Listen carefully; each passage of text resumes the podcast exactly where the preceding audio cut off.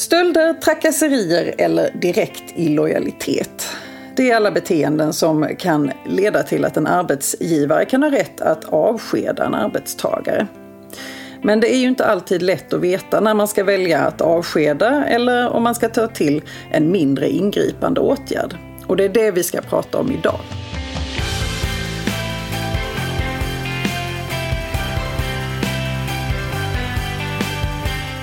Hej och välkommen till Arbetsrättspodden. Podden för dig som verkar inom HR eller hanterar personalfrågor i din vardag.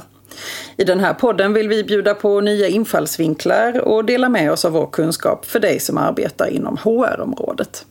Jag heter Emelie Svensäter Jerntorp och arbetar som advokat inom arbetsrätt här på Vinge. Och med mig idag har jag min kollega Charlotte Forsander som är delägare och expert inom arbetsrätt och arbetar på vårt Göteborgskontor. Hej Charlotte! Hallå Emelie! Ja, ett avskedande innebär ju att anställningen avbryts direkt utan uppsägningstid. Och det är en långtgående handling och ska ju och kan bara användas i vissa särskilda fall. Men begreppet avskedande används i det dagliga talet väldigt slarvigt. Man kan få sparken, få kicken, bli avskedad, bli uppsagd. Och för oss arbetsrättare så är ju avskedande och uppsägning två väldigt olika saker. Så Charlotte, ska vi börja med att reda ut begreppen? Vad är skillnaden mellan ett avskedande och en uppsägning? Du har egentligen redan sagt det själv, eh, för det är så att en uppsägning då har den anställda rätt till uppsägningstid och under den uppsägningstiden så har man rätt till uppsägningslön. Alltså man blir inte ställd på bar backe från arbetsgivaren på en gång. Det är den stora skillnaden mot avskedande. För om du blir avskedad så upphör din anställning på dagen. Pang bom, ingen mer lön. Pang bom, ingen mer lön. Och det är ju ingripande förstås. Det är ingripande. Det är en ganska stor förändring i ens liv. Och, men eh, när kan man då riskera att hamna i en sån situation? Vad har vi för typfall? Vad, vad kan man ha gjort för att uh, kunna bli avskedad? Det det står i lagtexten i vår kära LAS är att man ska ha grovt åsidosatt sina åligganden mot arbetsgivaren. Och då finns det väldigt gott om praxis och vägledning från Arbetsdomstolen vad det egentligen innebär. Vad ligger i det att man grovt har åsidosatt sina åligganden ja, mot arbetsgivaren? Kan du vara lite mer konkret? Vad har vi för någonting? Ja, men jag tror att det behövs. Eh, det är ju, eh, ett typfall är brott som har samband med arbetet. Där har man en väldigt sträng syn från Arbetsdomstolens sida. Det är nästan alltid grund för avsked. Och det kan vara förmögenhetsbrott, alltså typ stölder och sådär. Och även ganska ganska små värden. Eh, särskilt ifall man har en roll där man har fått förtroendet att hantera arbetsgivarens pengar, som att man sitter i kassan till exempel. Stöld i det läget är att nästan med automatik ett eh, acceptabelt avskedande. Även ifall det då rör sig om så små summor som en hundralapp ja, eller någonting sånt? det finns det praxis på. Mm. Sen såklart också misshandel eller hot om våld på arbetsplatsen. Eh, det är ett exempel, en annan sån här mening som Arbetsdomstolen brukar säga är att det är ett beteende som ingen arbetsgivare ska behöva tåla. Eh, och det är lätt att förstå att eh, misshandel eller hot på arbetsplatsen av kollegor eller av arbetsledningen eller till och med arbetsgivarens familj, det är också big no-no. Och nu har du flera gånger under den, när du förklarade detta nämnt på arbetsplatsen och då blir det ju en följdfråga direkt. Men om det hände utanför arbetsplatsen då? Man misshandlar någon på krogen på kvällen? Som inte, som inte är en kollega till som exempel. Inte är en kollega. Är brottslighet som inte alls har samband med arbetet eller med anställningen eller med personer som man har att göra med i sitt arbete. Där kan man inte alls vara säker på att det är grund för avsked. Det ska vara i en situation där det är så stötande på grund av att man har någon viss roll. Till exempel en, en polis som begår brott utanför tjänsten. Eh, där skulle det kunna vara fråga om avsked. Men en vanlig arbetstagare, ekonomiassistent som eh, eh, begår något brott, ett misshandelsbrott till exempel. Eh, där skulle jag ha svårt att se att det kan bli aktuellt med ett avskedande. Okej, okay. så på något sätt en, en koppling till arbetsplatsen. Vad har vi mer då för någonting? Eh, ja, men sen är det också illojalitet mot arbetsgivaren. Det vet vi sedan tidigare att lojalitetsplikten är en väldigt stark förpliktelse som arbetstagaren måste leva upp till. Man får inte göra eller säga eller eh, agera på ett sätt som skadar arbetsgivaren i verksamheten. Eh, och ett exempel på det är till exempel om man startar upp en konkurrerande verksamhet. Eh, där kan det mycket väl bli fråga om avsked. Så illojalitet behöver man inte acceptera eh, som sådant såklart. Allmän misskötsamhet, vad, finns det andra saker man kan... Eh?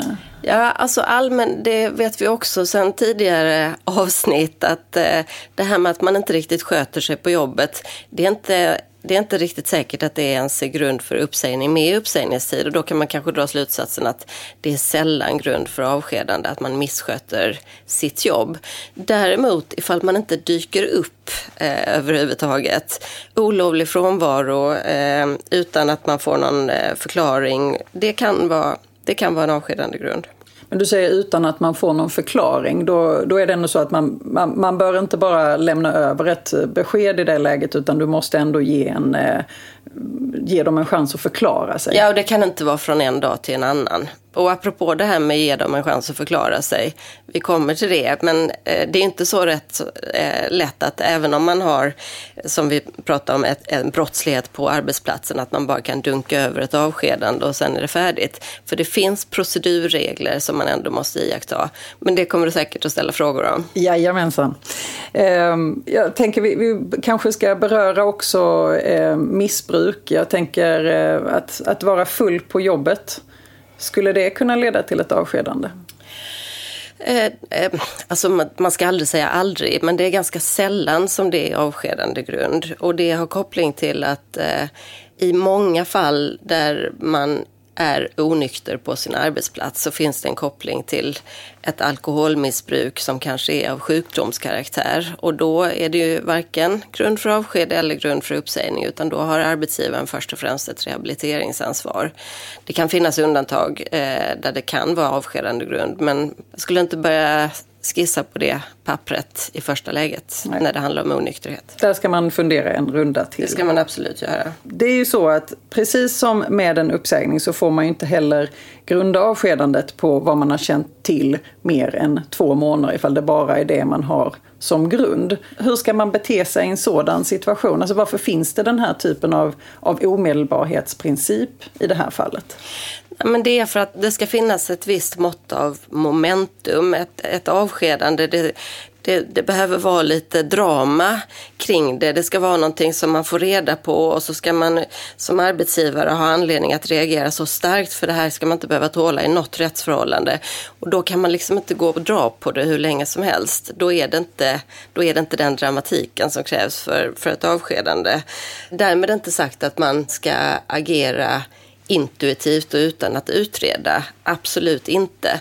Eh, men man får inte avsluta sin utredning och sen fundera ett halvår och sen dra till med, med avskedandet. Då är man fel ute. Utan utred i lugn och ro och i det här utredandet tycker jag att det ligger att man som utgångspunkt också ska försöka, om det inte är ett pågående drastiskt förlopp som man bara måste sätta stopp för, om det inte är det läget, då tycker jag att man som utgångspunkt i alla fall ska ge medarbetaren eh, som man funderar på att avskeda en möjlighet att komma till tals och i alla fall kommentera det som eh, man anklagas för innan man tar nästa steg. Och det är ju inte då heller lämna över avskedande handlingen utan det är ju att underrätta att man planerar att lämna över ja, nu, nu kommer vi in på den då. Jag tycker vi tar, hur går det rent praktiskt till? Ja, rent praktiskt går det till så. Man gör sin utredning, konstaterar vad som har hänt, om möjligt har dialog med arbetstagaren och säger har du någon kommentar till detta? Nej, det har jag inte. Då lämnar man över ett papper som heter underrättelse om avsikt att avskeda. Eh, och det lämnar man över och när man väl har lämnat över det till den anställda och Eh, om den är med i facket, också till den fackliga organisationen. Eh, då får man inte panga på med avskedandet förrän det har gått en vecka. Och under den tiden så har arbetstagaren och facket möjlighet att begära överläggning. Alltså ett, ett tillfälle att sitta ner och, och, prata ut om vad det är som görs gällande och kanske få erbjuda en förklaring i lite mer strukturerad form. Och har man begärt en av, överläggning så får man inte Eh, verkställa avskedandet för den har ägt rum. Och det, är ju, det ligger väldigt mycket, man kan tycka så här som arbetsgivare att ah, ska jag behöva vänta? Det här är så akuta saker som händer och min verksamhet drabbas verkligen. I nio fall av tio är det väldigt bra om det kommer en överläggning till stånd. För att om man avskedar felaktigt så kan det bli väldigt dyrt. Så att man vill gärna veta, finns det en annan bild här som jag har missat? Så att eh, Eh, Eh, man kan, man kan gott passa på att stänga av arbetstagaren från arbetsplatsen och eh, koppla bort eh, internettillgång och sådär ifall man bedömer att det finns risk för att någonting kan gå fel. Men, men verkställ inte avskedandet innan man har gett möjlighet till överläggningen. Nej, för den, den diskussionen eh, syftar ju såklart till att eh, arbetstagaren och eventuellt då facket ska få tillräcklig information om alltihopa. Men såklart också för att arbetsgivaren ska få ännu mer information för, eh, med anledning av vad som har hänt. Och inte alltid, men ofta så finns det två sidor av ett mynt. Och det är dumt att agera innan man har sett andra sidan. Mm, det kan ju också vara en pedagogisk och eh, mer framåtblickande perspektiv i detta. Att man, man får en möjlighet till en avstämning innan man lämnar över själva avskedandet. Och på det sättet kanske få en större förståelse för varför, varför det, det händer. Så att Från arbetstagarens perspektiv, mm. absolut. En sån här överläggning, då har man ju också en eh, uppsägning av personliga skäl situation som vi har berört eh, i ett tidigare poddavsnitt. Eh, och där tycker jag att det ännu mer är det här pedagogiska, att man ska kunna gå vidare med sitt liv situationen. I en avskedande situation så är det ofta mycket mer känslor, dramatik och folk är arga. Så att lite mindre inslag av det här pedagogiska We shall overcome brukar det vara, enligt min erfarenhet, i överläggningar om avskedande om man jämför med överläggningar om uppsägning av personliga skäl. Du nämnde att eh, man inleder med att lämna över den här handlingen eh, som heter underrättelse om avsikt att avskeda. Finns det någonting som ska finnas med i den rent informationsmässigt? Eh, man ska, man ska skriva att man behöver inte skriva varför, men man kan skriva att man planerar att avskeda och att avskedandet inte kommer att äga rum förrän tidigast om en vecka. Det är den tidsfristen. Och att om du är med i facket så vill vi veta det för då ska vi lämna ett varsel eh, till ditt fack. Och så står det att man har rätt att begära överläggning. Det är ungefär det. Men ingen uttömmande information om varför avskedandet kommer att äga rum? Nej, det finns ingen skyldighet att lämna den informationen. Jag brukar aldrig göra det. Man kan väl ändå säga att även ifall du inte har skrivit ner det på det pappret så ska du ha väldigt klart för dig själv i alla fall vilka grunder du tänker använda. Det kan du tro. Det kan jag tro.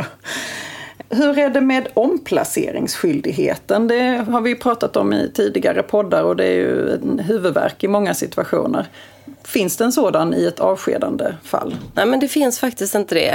Eh, det är en stor skillnad mot uppsägning. Att eh, har man grund för avskedande, då är det igen ett läge som har uppstått som man inte ska behöva tåla i någon relation eh, egentligen. Och då ligger det i sakens natur att man Eh, inte heller skyldig att bereda fortsatt anställning.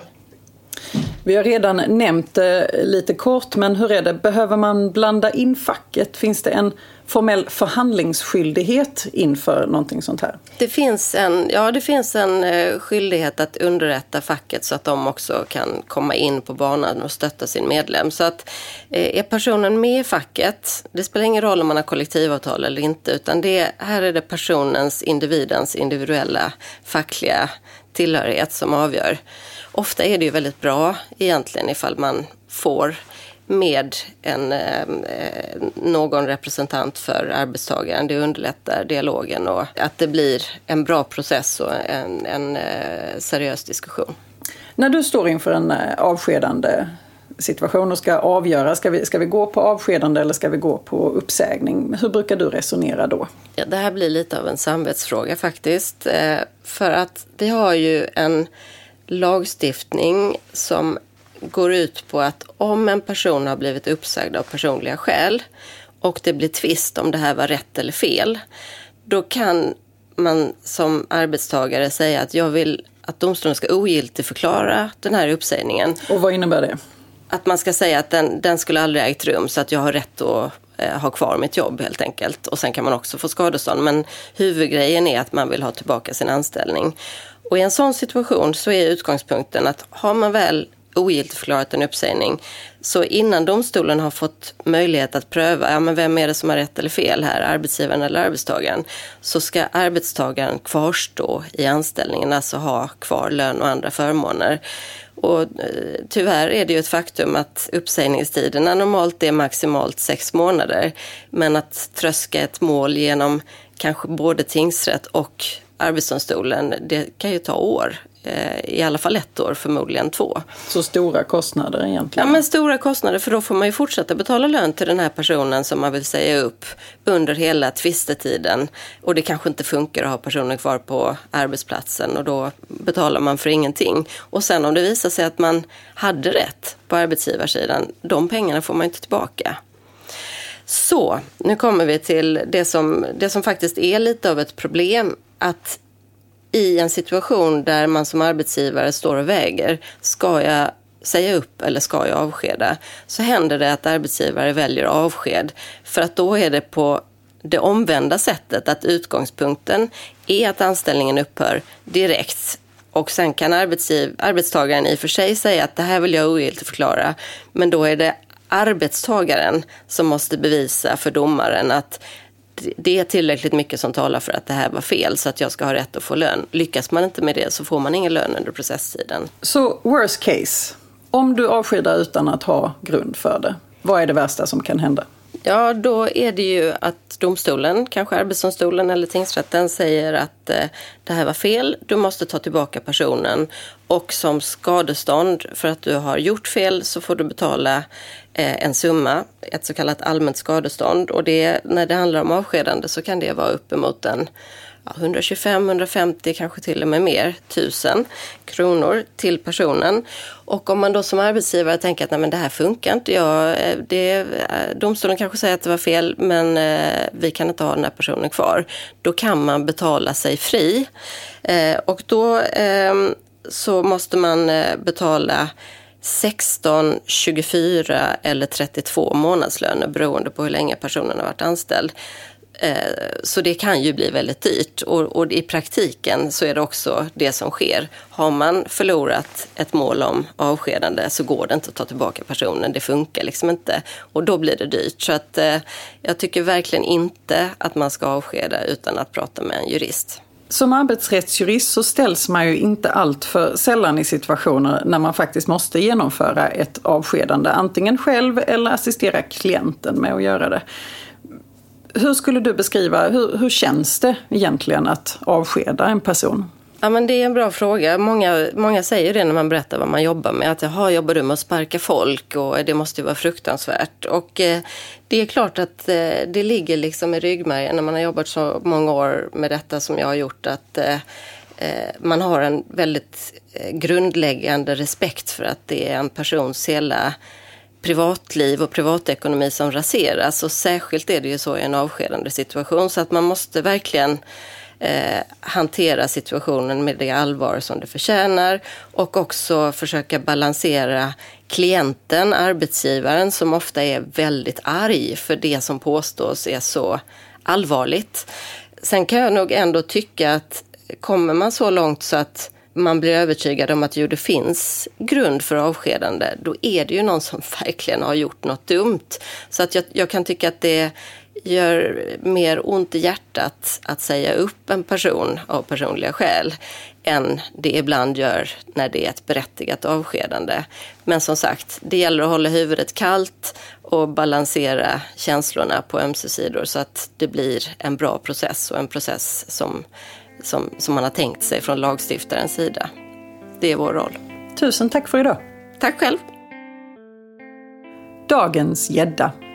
Se till att genomföra en ordentlig och skyndsam utredning så att det inte kommer några överraskningar efter att avskedandet har verkställts. Då kan det bli dyrt.